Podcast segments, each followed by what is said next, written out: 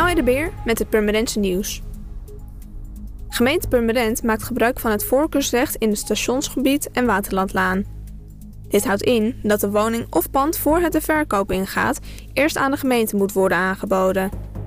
Het voorkeursrecht geldt voor een termijn van tenminste drie maanden. De PVV in Purmerend wil kijken of er een verbod kan komen op magneetvissen. Dit komt doordat er een paar dagen geleden een handgranaat is gevonden tijdens het omhoog halen van andere metalen voorwerpen.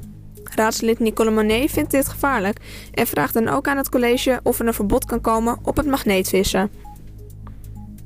Het is tot 1 juli mogelijk bij Woonmatch en Woningnet om de woonduur om te zetten in inschrijfduur. Door de woonduur bij de inschrijfduur op te tellen, kunnen huurders sneller aan een nieuwe woning komen. Als een inwoner nu een huis huurt en zich na 1 juli weer opnieuw inschrijft, tellen de woonjaren niet meer mee en duurt het weer langer om de inschrijfduur op te bouwen.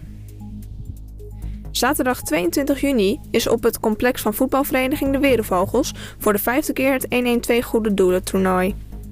Iedereen kan komen kijken en meedoen aan activiteiten van politie, brandweer, douane, ambulance dienst, justitie en marechaussee en kennismaken met voetbal.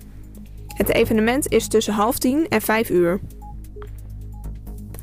Crisscross Amsterdam sluit Reuring 2019. Op zondag 13 juni staan zij op het hoofdpodium tijdens City Slam. Crisscross Amsterdam staat bekend om een remake van het nummer Whenever van Shakira. Ook heeft het trio een nummer met Maan, Tabita en Bissy genaamd Hij is van mij. Voor meer nieuws, kijk of luister je natuurlijk naar RTV Permanent, volg je onze socials of ga je naar rtvpermanent.nl.